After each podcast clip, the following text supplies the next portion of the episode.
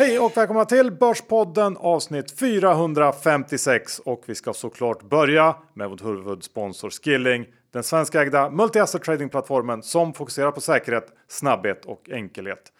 Den här veckan ska vi snacka krypto där det har varit volatilt minst sagt på slutet. Ja, för krypto har ju verkligen inte varit immun mot de här nedgångarna vi sett överallt på finansmarknaden, utan bitcoin självt har ju tappat 40 procent det senaste året. Så att eh, ja, Johan, vad säger man om det? Nej, men så är det ju John. Och krypto är ju en risk-on tillgång så att säga och rör sig ju eh, hand i hand med till exempel tech. Och det här är ju volatila tillgångar så att det ska man ha med sig. Men samtidigt så behöver det här inte alls innebära något slags slut för krypto, utan jag tycker att man ska ta och använda den här perioden för att läsa på mer och lära sig om den här marknaden. Ja, för det är inte första gången som krypto är uträknat, utan snarare ska man nog se det som att det skapas lägen. Ja, för lägen skapas det ju verkligen med den här volatiliteten och därför tycker vi att det är så bra att Skilling fortsätter att addera fler och fler kryptovalutor till sitt erbjudande. Man är nu uppe i hela 58 krypto CFDR och eh, man kan ju gå både lång och kort och försöka då ta tillvara på de här möjligheterna som skapas i den här volatila marknaden. Och om ni inte har ett konto än så se till att öppna det. Krävs bara ett BankID och Skilling har ju såklart svensk kundtjänst som hjälper till om det dyker upp några frågor. Men kom ihåg 76% av retailkunder förlorar pengarna om de har CFDR så besök skilling.com för en fullständig ansvarsfri skrivning. Och med det John, säger vi stort tack till Skilling! Ny vecka, nytt avsnitt John och frågan vi ställer oss är det början på slutet, slutet på början eller vad är det för någonting? Ja, det är ingen som vet. Det är det som är det roliga med börsen. Däremot vet jag att det här kommer bli ett eh, toppavsnitt. Ja, delvis tack vare att du kommer med gratispengar. Det kommer jag Johan, sån är jag. Ja, och mycket annat såklart. Vi är denna vecka sponsrade av Just In Case, familjens plan B. Och John, eh, det är ju så här att i tider av inflation, stigande kostnader på allt från el till drivmedel så blir det faktiskt ännu svårare att klara sig på en lön om det värsta skulle inträffa och eh, din partner skulle gå bort. Ja, nej, det är absolut inte något man ens vill tänka på, men då är det bra att Justin Case eh, har gjort det. Och eh, det fina med Justin Case är ju att eh, Spiltan är storägare här, så att det skapar en enorm trygghet i det här livförsäkringsbolaget. Ja, jag tycker att man kan se det som någon slags kvalitetsstämpel ändå, att Per H och gänget har gått in och är storägare i Just In Case. Och om man nu funderar på det här med livförsäkring, då tycker jag att man ska surfa in på Just In Case hemsida. Med fördel ska man använda länken justincase.se börspodden. För om man gör det och signar upp sig, då får man en månads eh, gratis eh, livförsäkring. Ja, och eh, det är ingen bindningstid och man betalar enkelt via autogiro en gång i månaden. Ja, så gå in på justincase.se börspodden och teckna en livförsäkring nu. Vi säger stort tack till Just In Case. Johan Dr. Bass Isaksson index är i 2030 och ja, det är relativt eh, mycket mer positiva tongångar nu än det var bara för en vecka sedan. Är det ett så kallat bear eller bear market rally? Frågan man ställer sig. Den ställer man sig och jag tror det. Eh, som du sa, vi har fått ett ganska hygglig studs här på börsen den sista veckan, men jag tror ju att det mer handlat om ett bear market rally än något annat. Det var för översålt och en studs behövde komma, men jag tror också att det är just en studs. Ett läge att sälja på helt enkelt. För all makro som kommer in pekar på att vi snabbt går mot sämre tider. Och visst, man kan hävda att Q1 var helt okej, okay, men som vi har pratat om här i podden så byggs det oroväckande mycket lager i många bolag och branscher nu och det kombinerat med en snabbt fallande aktivitet i ekonomin skulle kunna leda till ett ganska abrupt stopp i efterfrågan här om några månader. Sen får man också lägga till den här sinnessjuka kampen mot covid i Kina och nedstängningarna där och snabbt stigande räntor. Så tittar man på allt det här sammantaget så tycker jag att det fortfarande finns mer att oroa sig för än vad eh, vår börs tagit höjd för helt enkelt. Så att det här sell in May uh, eh, and go away tar jag ändå fasta på.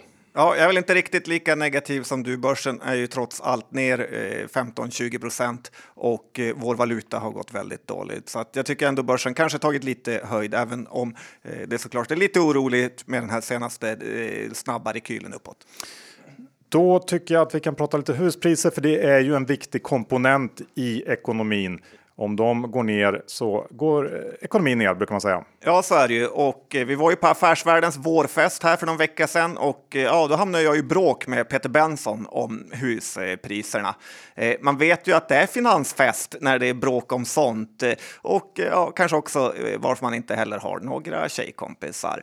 Eh, men, men, både Affärsvärlden och eh, Finansinspektionen tror ju på stora prisfall på bostäder och jag tror verkligen inte på det faktiskt. Jag ställer mig på andra sidan här, eh, för jag tycker att det är bara att titta på fakta. Varenda byggbolag varnar ju för ökade priser, alltså insatsvaror. Och du var ju tidigare inne på hur Jens of Sweden hade hört hur husbyggare ringde runt till sina kunder och erbjöd dem cash för att slippa bygga. Och eh, ja, det snackas om att många små byggbolag kommer gå i frivillig konkurs för att slippa stå till svars för alla åtaganden man gjort till numera underpriser eller förlustpriser. Och eh, ja, i det här fallet, när precis alla insatsvaror har gått upp, arbetskostnaden har skjutit i höjden Tror man då verkligen att eh, priset på befintliga bostäder ska krascha? Eh, för att räntan har gått upp med en halv procent och eh, kanske ska gå upp med en halv procent eh, till. Det är inte så mycket. Det är lite som att tro att om det börjar kosta 200 dollar per fat att ta upp oljan ur marken, ska oljan då gå ned i pris? Eh, för mig är det orimligt och jag tror faktiskt att det är samma sak eh, som gäller bostäder. Och nu när jag sagt det här så räknas det inte att bostadsmarknaden blir lite svalare någon månad och går ner med 1, 2, 3, 4 procent. Utan för att bäsarna ska få rätt så vill jag se rejäla tapp på minst 10-15 procent och då är ändå rätt eh, schysst eftersom de pratar om minus 30-35. Ja, men jag, jag tycker att tar pengar här. Det är klart att eh, attraktiva bostäder kommer väl eh, hålla emot länge. Det beror ju på hur illa det blir i ekonomin där ute och hur höga räntorna blir såklart. Så det, det, är svårt att säga, men eh, än så länge så verkar du, eh, tror jag mer på dig kanske, eh, än Benson. Ja, tack Johan. Ja. Eh, ska vi gå över till småsparare och eh, det här med Eh, Eh, att man kanske ska tänka lite globalt ändå. Ja, men jag tycker man ska göra det. Att även fast man är småsparare så har man ju nu alla möjligheter att försöka tänka som en storsparare om man får säga så i den här globala världen och eh, försöka köpa det eller öka i det som är billigast för stunden.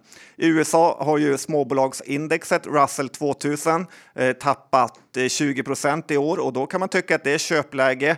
Eh, men då glömmer man ju bort valutaeffekten för att på bara ett halvår har ju dollarn gått från ungefär 8,50 till över 10 kronor. Eh, så att jag tycker verkligen inte man ska köpa dyra amerikanska aktier nu utan istället utnyttja den här kronkollapsen till att köpa svenska bolag. Inte finska, danska eller norska utan köpa svenska bolag för att det är de som är absolut billigast i stunden. Ja, ehm, det är en bra poäng tycker jag. Och då tycker jag också att vi kan passa på att vända på det här. Storsparare, småsparare. Det finns ju storsparare som allt mer börjar agera som småsparare kan man tycka. Ja, faktiskt. Och de har fått den här mentaliteten, gnällmentaliteten den senaste tiden. Och eh, jag måste säga att det är oväntat hur mycket det gnälls på Anders Ström nu och inte från småsparare utan från storfinansen som börjar låta som bittra eh, sparare istället. Affärsvärldens golvet är ju fyllt nästan varje vecka med tjuvnyp. Nu senast om att eh, Ström måste visa varför han har lurat in så många i Kambi och eh, Bodenholm Per sa i någon intervju att eh, man måste sätta upp Kambi snarast till försäljning innan man tappar alla anställda. Eh, och det här är ju sån här klassisk fälla att vara så extremt eh, kortsiktig. Jag tror nog firman Nylén och Ström ser lite längre än bara några månader framåt och eh, nu är det ju inte så att eh, spelaktier har ju absolut inte gått särskilt bra i USA utan snarare kraschat och då tycker jag Kambi ändå har klarat sig helt okej. Okay. Eh, dessutom är det väl absolut inte smart att sätta upp något till försäljning som gått från 500 till 170 och förvänta sig ett eh, bra pris. Eh, jag tycker man ska påminna sig om att tidigare ropade ju alla finansnissarna på att Kambi skulle dubbelnotera sig för att få upp värderingen, vilket ju så här i efterhand hade ju både varit slöseri med tid och pengar och absolut inte så roligt nu. Eh, så att ibland ska man bara låta de som vet bäst sköta jobbet och gillar man det inte och inte tror på dem kan man alltid sälja sina aktier. Det kan man faktiskt alltid göra på börsen. Det är härligt med börsen. Faktiskt. Ja. Eh, vi går över till krypto, för krypto har varit på allas läppar sista tiden då efter den här enorma kraschen i UST eller Terra och Luna där närmare 50 miljarder dollar i market cap raderades på några dagar efter att då Terra som ju är eller var kanske man ska säga, en algoritmisk stablecoin knuten till Luna tappa sin PEG och det drog med sig Luna och förlängningen hela kryptomarknaden i ett djupt fall. Och vi får börja med att säga att det här eh, är ett av, om inte det kanske största misslyckandet i kryptos historia. Men samtidigt får man komma ihåg att den här typen av boom and bust event, det är ett naturligt inslag när nya teknologier växer fram. Och det här kommer antagligen att leda till mer eh, regleringsfokus och förhoppningsvis också en till tillnyktring i en bransch som kanske fått lite väl mycket pengar kastade på sig de senaste åren. Och det tror jag i förlängningen är positivt. Sen i ett större perspektiv så tror jag att krypto eh, kommer att få jobba i motvind så länge det här makroklimatet ser ut som det gör. Stigande räntor och högaktiga centralbanker, det är negativt för krypto, precis som det är för mycket andra tillgångar. Men förhoppningsvis så kan den här sektorn använda den här tiden nu till att ta nästa steg. Gå från coola men kanske eh, lite svåranvända idéer till sånt som når massadoption. Och jag tror eh, verkligen att det kommer att hända. Eh, men under tiden så finns det en stor risk att det kommer att vara ganska tråkigt att vara en hodler. Eh, och sen tycker jag också att när det gäller kryptos svaga utveckling i år och alla sådana här, vad var det jag sa, kommentarer så får man väl ändå sätta det i relation till övrig tech. Eh, Netflix är ner närmare 70% Facebook 40% Amazon drygt 30 minus eh, och bitcoin ligger väl på kanske minus 35 eh, Så alla tillgångar där förväntningarna på framtiden är stora de påverkas av stigande räntor. Det är fullt normalt och det gäller såklart även krypto. Eh, men det innebär ju inte att det är kört på något sätt. Ja, jag. ja, jag håller med dig här. Krypto har fått oväntat eh, mycket skit för att eh, alla vill, eller många vill att det ska gå dåligt. Man får ju komma ihåg att sådana här nedställ i bitcoin bland annat har ju inte varit helt ovanliga tidigare heller, så det händer då och då. Sen får man också komma ihåg att valutan, dollarn, alltså har ju varit väldigt stark, så som svensk bitcoinsparare har man ju inte förlorat lika mycket heller. Nej, det har funnits betydligt värre vanliga aktier att vara inne i där man har förlorat betydligt mer. Så eh, jag är fortsatt långsiktigt positiv, eh, eller väl det jag skulle komma fram till i krypto. Men tror inte att vi kommer se nya all time highs igen här i närtid, utan så länge det är så här så kommer det vara lite tråkigt och det får man leva med helt enkelt. Mm, det är som börsen i övrigt. Ja, eh, vi går över till eh, Netflix när jag var ändå inne och pratade lite om dem här. Ja, du nämnde att Netflix eh, har floppat på börsen och eh, deras nya satsning här i Sverige, Clark Olofsson, är ju också en flopp enligt mig. Jag vet inte, har du sett den? Jag orkar bara titta på ett, knappt ett avsnitt. Jag tyckte att det var, jag håller med, för uselt. Ja, det påminner lite mer om Stefan och Krister skulle jag säga än en bra serie, en fars. Eh, och folk, när de säger att de gillar den här serien så tänker jag direkt att jag måste sluta vara kompis med dem. Men eh, jag kan tyvärr inte göra det, för då har jag snart inga kompisar kvar.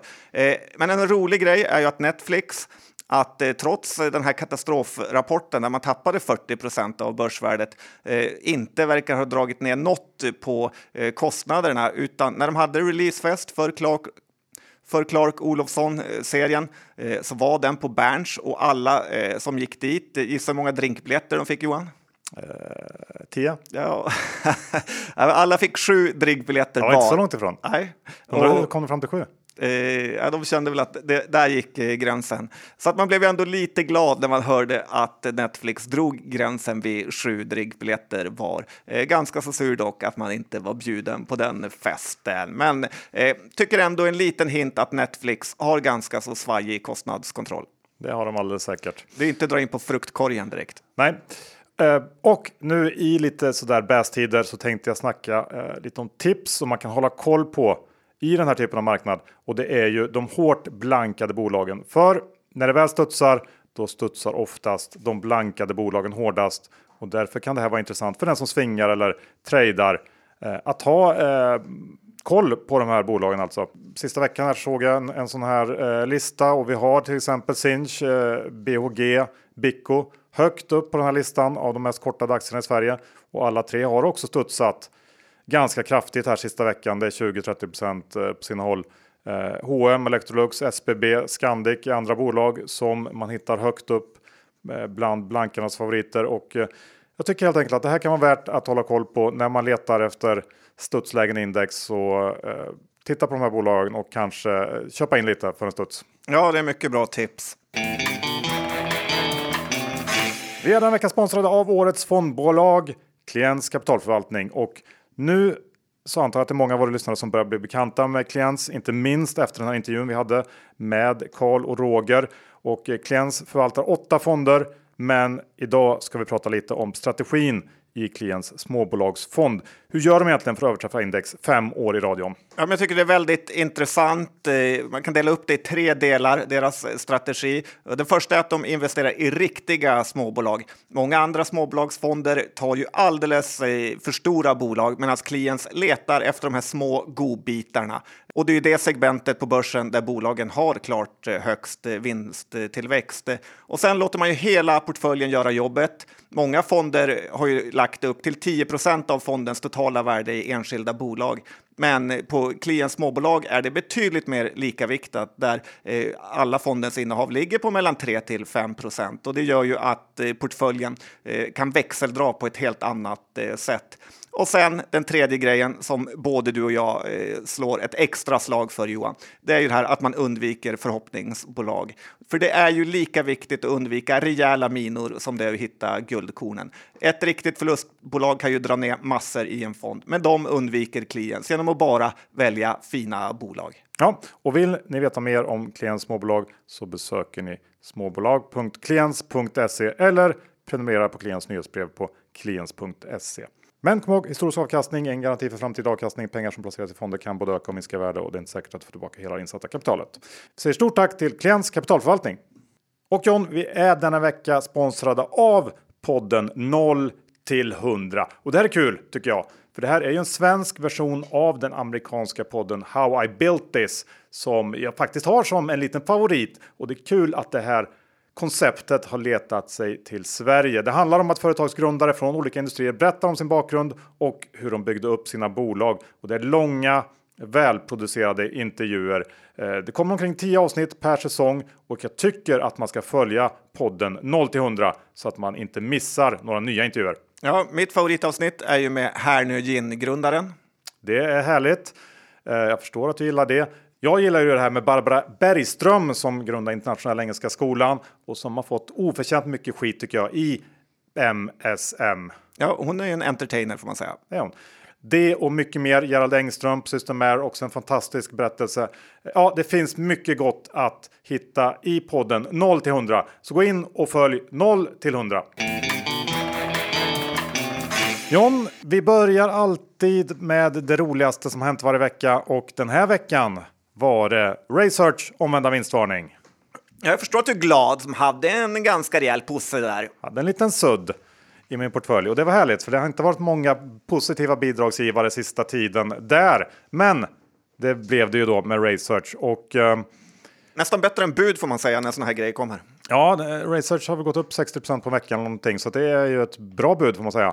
Och det var ju då efter sju sorger och åtta bedrövelser som Research äntligen fick lite vind i segern och eh, kom med en omvänd eh, vinstvarning. Och vi får säga att så här i efterhand så visar sig ju eh, CFOns hastiga sorti från bolaget här för någon månad sedan vara ett eh, utmärkt köpläge. Marknaden var uppenbarligen rädd för att det var något riktigt skit på gång efter den här händelsen och det gjorde väl också att eh, kraften i rallyt som den här omvända vinstvarningen utlöste blev eh, större än vad som kanske normalt är motiverat. Eh, men om man tittar på de här siffrorna så finns det eh, helt enkelt ingen anledning att oroa sig för racet just nu. Orderingången upp närmare 90% ebit steg från förra årets 12 till 29 miljoner.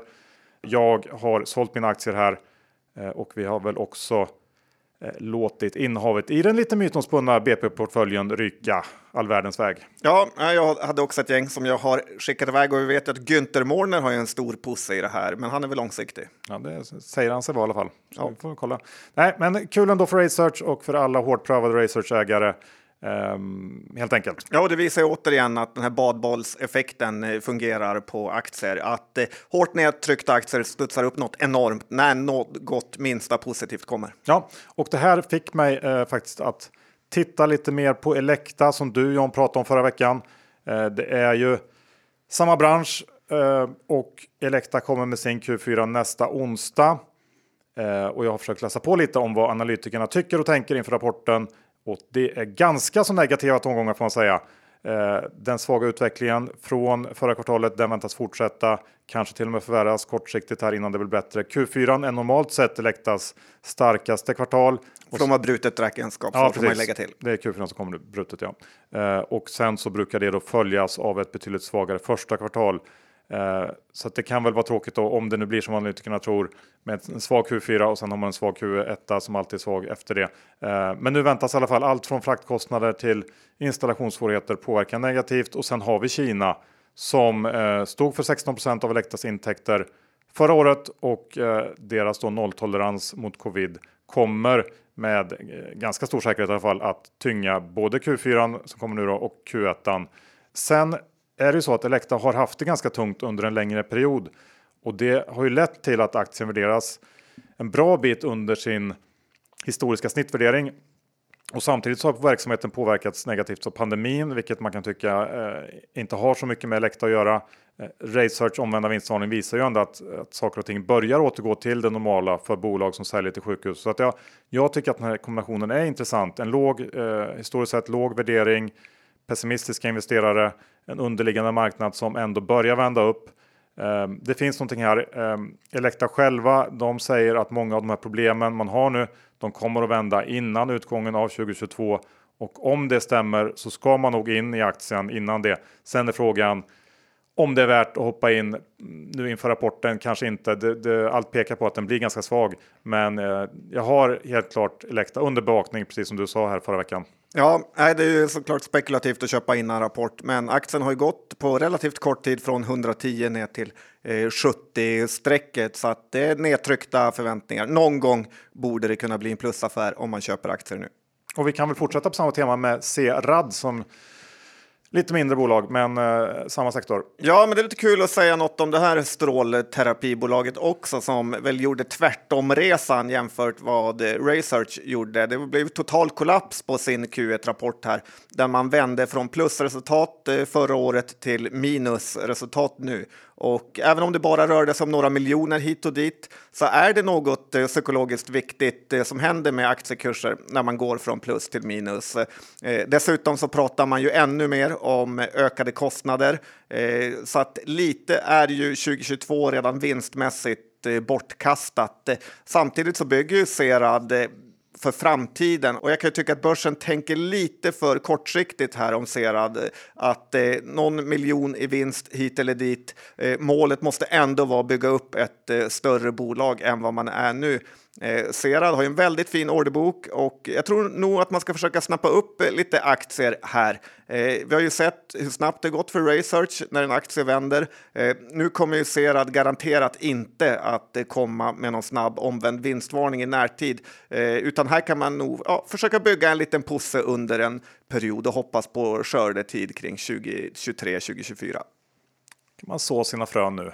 Ja, man ska. skördar man nästa år. Exakt. Så det funkar. Tack Johan. Ja. Eh, har, hur är det då med Bronsman? Har han sått sina frön ordentligt? Har han skördat på slutet? De eh, rapporterade igår. Ja, Kopparberg så ska jag förtydliga att vi pratar om. Ja, jag hoppas man kan det vid det här laget. Men eh, Kopparberg är lite av en börspodden favorit att följa genom åren här. Och eh, Bronsman har ju blivit eh, bättre också på att skriva vd-ord, även om årets vd-ord mest handlade om att han hade fått en medalj från kungen. Ja, det var ungefär hälften av vd-ordet. Ja, han var inte missnöjd Nej. med det kan jag säga. Han skämdes inte över sig själv. Nej, det var bilder och han stod och bockade. Bocka och buga och var så nöjd. Ja, väldigt nöjd var han. Lite person otrolig revansch för honom kanske efter alla motgångar. Eh, sen har man ju en liten oro alltid när det gäller Kopparbergs att när pundet utvecklas bra för dem Eh, och eh, går upp alltså, så nämns det inte i rapporterna. Men när det går emot dem så tvekar man inte att skylla på det och därför är jag lite orolig att det här kvartalet var ganska valutadopat. Eh, och Kopparbergs är väl i grund och botten ganska rättvist värderat med en dragning nästan åt det dyra hållet här kring 180. Man tjänar lite över en tia per aktie. Det som kommer att avgöra är ju hur den här sommaren blir. Om man fortfarande har Eh, attraktionskraften i Sydeuropa eh, nu när de har öppnat upp eh, och man har kommit med en hel del eh, nya produkter, ja, så finns det ändå uppsida i aktien. Så det, det, ska bli spännande kvartal att följa eh, Kopparbergs. Så är det, jag håller med. Jag tyckte att det var ganska stabilt kvartal kan väl eh, tycka att man ska hålla lite koll på kostnaderna. De såg ut att ha drabbats en hel del av, av stigande kostnader och frågan är hur, hur de klarar av att kompensera för det. Jag vet inte, de, eh, ja, lite, lite varning där på det. Eh, jag tänkte vi går över till poddbolaget Acast som rapporterar igår. Eh, ett bolag som vi eh, ju alltid varit negativt inställda till, i alla fall aktien. Ja, och med rätta. Ja, det får man säga. Ehm, och om vi tittar då på Q1 tillväxtmässigt så tuffar det på. Omsättningen upp drygt 50% De får in 300 miljoner kronor i omsättning under kvartalet då, och det måste man ändå säga är helt okej. Okay. Men tyvärr så lyser ju skalbarheten med sin frånvaro för den justerade ebita marginalen. Den faller från minus 17 förra året till minus 23% i år och vägen till lönsamhet den känns både lång och snårig tycker jag. Det positiva det är att bolaget har en enorm kassa sen noteringen förra året, över en miljard. Så man har ju råd att fortsätta gå med de här rejäla förlusterna ett bra tag till. Eh, men för den som hade hoppats på att få se några tecken på att den här vandringen mot lönsamhet påbörjats, då var Q1 en besvikelse ändå måste man säga. Eh, jag eh, ser fortfarande ingen större anledning att köpa in sig i Acast, tyvärr. Nej, men nästan så att man börjar tro att botten är nådd med tanke på kursreaktionen på den här ändå relativt usla rapporten. Så gick den bara ner några procent. Så att nästan allt är taget snart. Ja, eh, lite så kan man ju tolka rapportreaktionen. Sen vill du gå över till ett litet, litet eh, pyttebolag som heter Premium Snacks. Och eh, vad ska du säga om Premium Snacks? Ja, vad tror du själv som man brukar säga? Ja, det kommer jag göra. För Magnus Agervald har gjort det igen. För detta Ratos och Byggmax vdn tog ett litet gig här och eh, gjorde ett snabbt inhopp i Premium Snacks. Eh, levererade en mycket kass rapport och eh, sen stack han snabbt eh, därifrån. Eh, precis alla siffror är ju sämre i det här kvartalet jämfört med förra året. Eh, Magnus Agevald börjar bli sån här, som en fotbollsspelare som stannar ett år i varje klubb. Men han börjar i Liverpool och slutar i Degerfors. Premium... Inget med Degerfors. förutom att de ligger sist i allsvenskan, Johan. Premium Snacks är ju företaget som äger varumärkena Exotic Snacks och Gorge Chips. De här chipsen som har lite speciella smaker.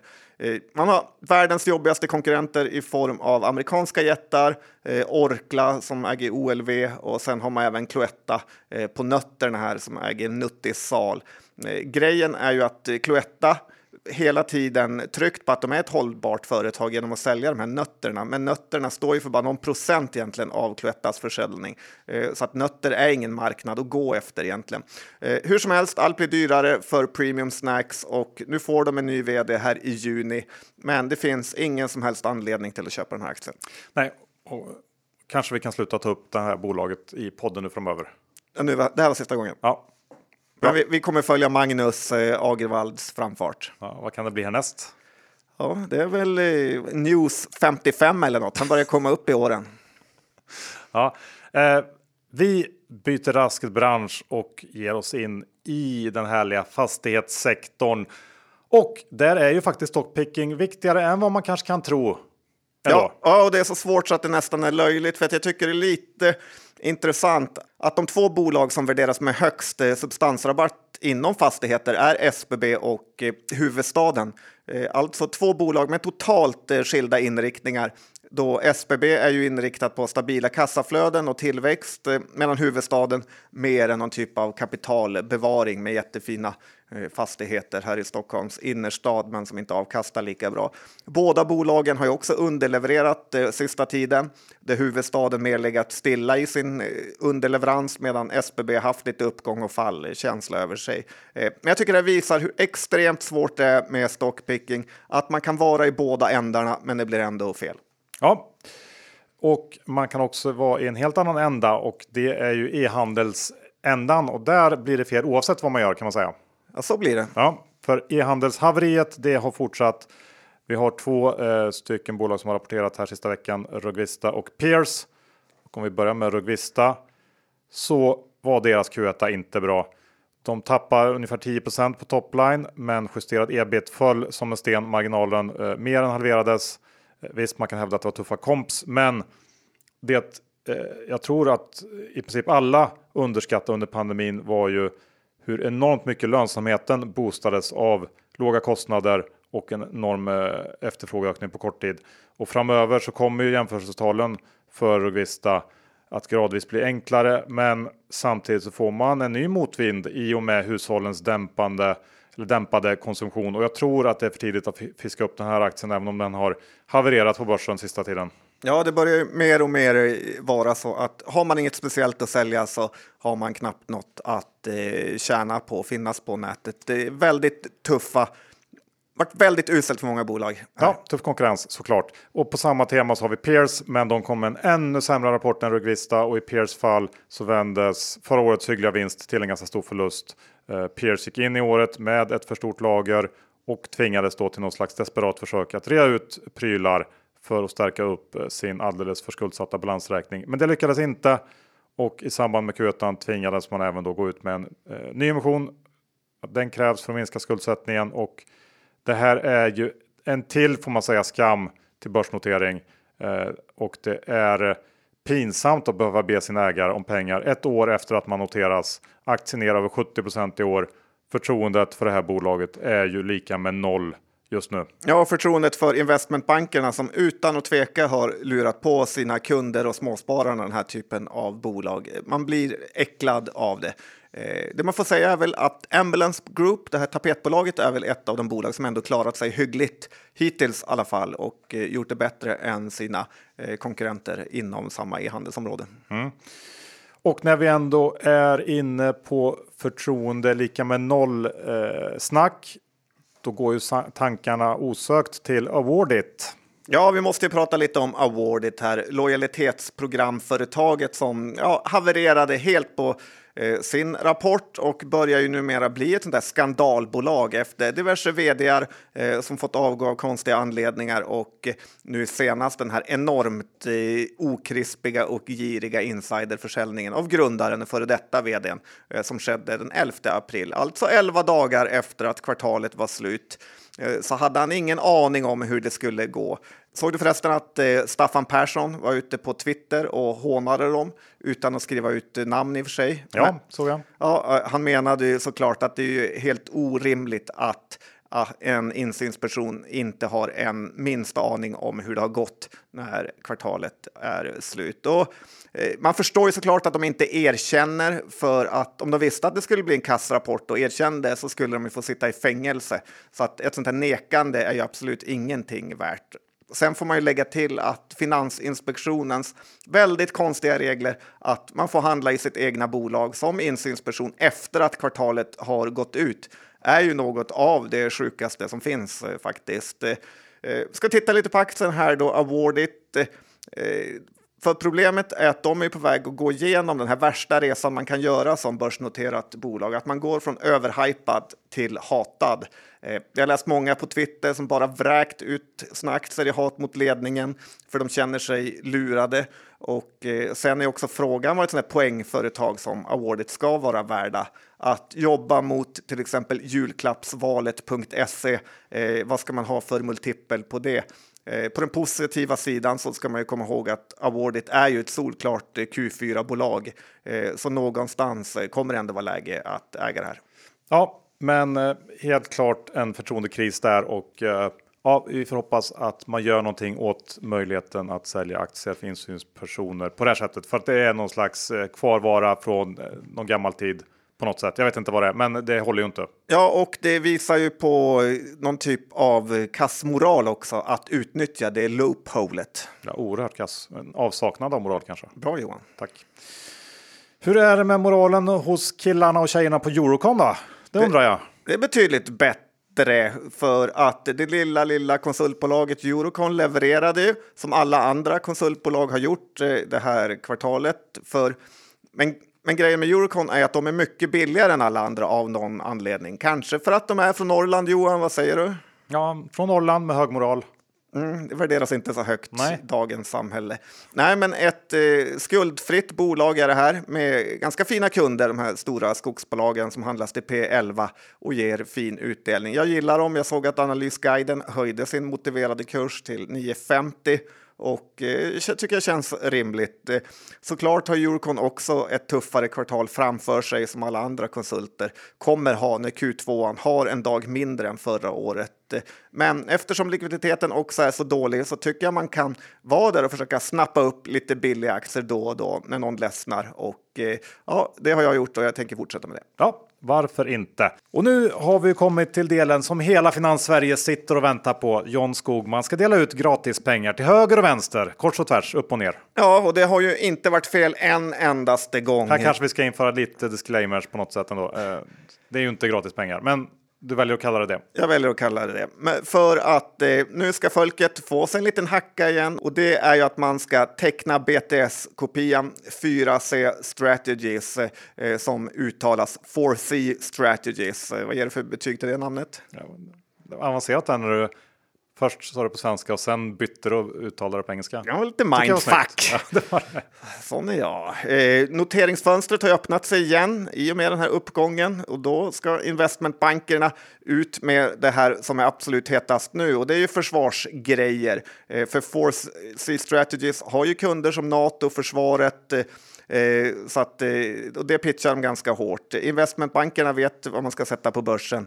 Eh, men det här är, ska man vara med på, för det är åtminstone en teckna sälj. Åtagarna i den här emissionen hatar inte direkt pengar. Eh, de består av grenspecialisten Teddy Jansson, Martin Bjäringer och eh, Carnegie Fonder här. Man kan bara teckna via Nordnet som småsparare och 4C Strategies har ju dessutom en sån här grön sko eller green shoe eh, som vi alla numera vet innebär att det är nästan omöjligt att förlora pengar eftersom om det skulle bli en dåligt tecknad emission eh, så kommer det ändå finnas en massa stödköp här. Så att eh, teckna, sälj 4C Strategies och hoppas på tilldelning. Härligt! Slut på avsnitt 456. Vi säger stort tack till Skilling, den svenskägda multi-asset tradingplattformen som fokuserar på säkerhet, snabbhet och enkelhet. John, har man inte öppnat ett konto på Skilling, då är det väl inte så mycket att fundera på. Man eh, gör det direkt helt enkelt med BankID. Det är det enda som krävs. Ja, det är väldigt kul att eh, kunna följa marknaderna dygnet runt. Köpa blanka, eh, trada valutor. Ja, speciellt i tider som dessa när det kan röra på sig egentligen dygnet runt och då vill man vara redo. Men kom ihåg 76% av retailkunder förlorar pengarna hållas efter besöksklinick.com för en fullständig ansvarsfri screening. Och John, hur såg det ut med innehav? Vi hade uh, sålt massa research, långsiktiga som vi är, i diverse portföljer. Uh, vi hade, vad hade vi pratat om mer? Du snackade lite Kambi, den ligger kvar och ruvar i portföljen. Jajamän, vi är inte gnälliga. Vi tar det som en man när det går käpprätt. Ja, den... Två personer tog det som en man. Ja, lite så. Um, så det har jag. Uh, um, sen vet jag inte vad vi pratat om mer. Jag har lite Serad och Eurocon ja. och Kambi såklart ja. privat. Ja, då är vi nog klara där. Och med det så säger vi stort tack för att ni lyssnade. Vi hörs om en vecka igen. Hej då! Det gör vi. Hej då!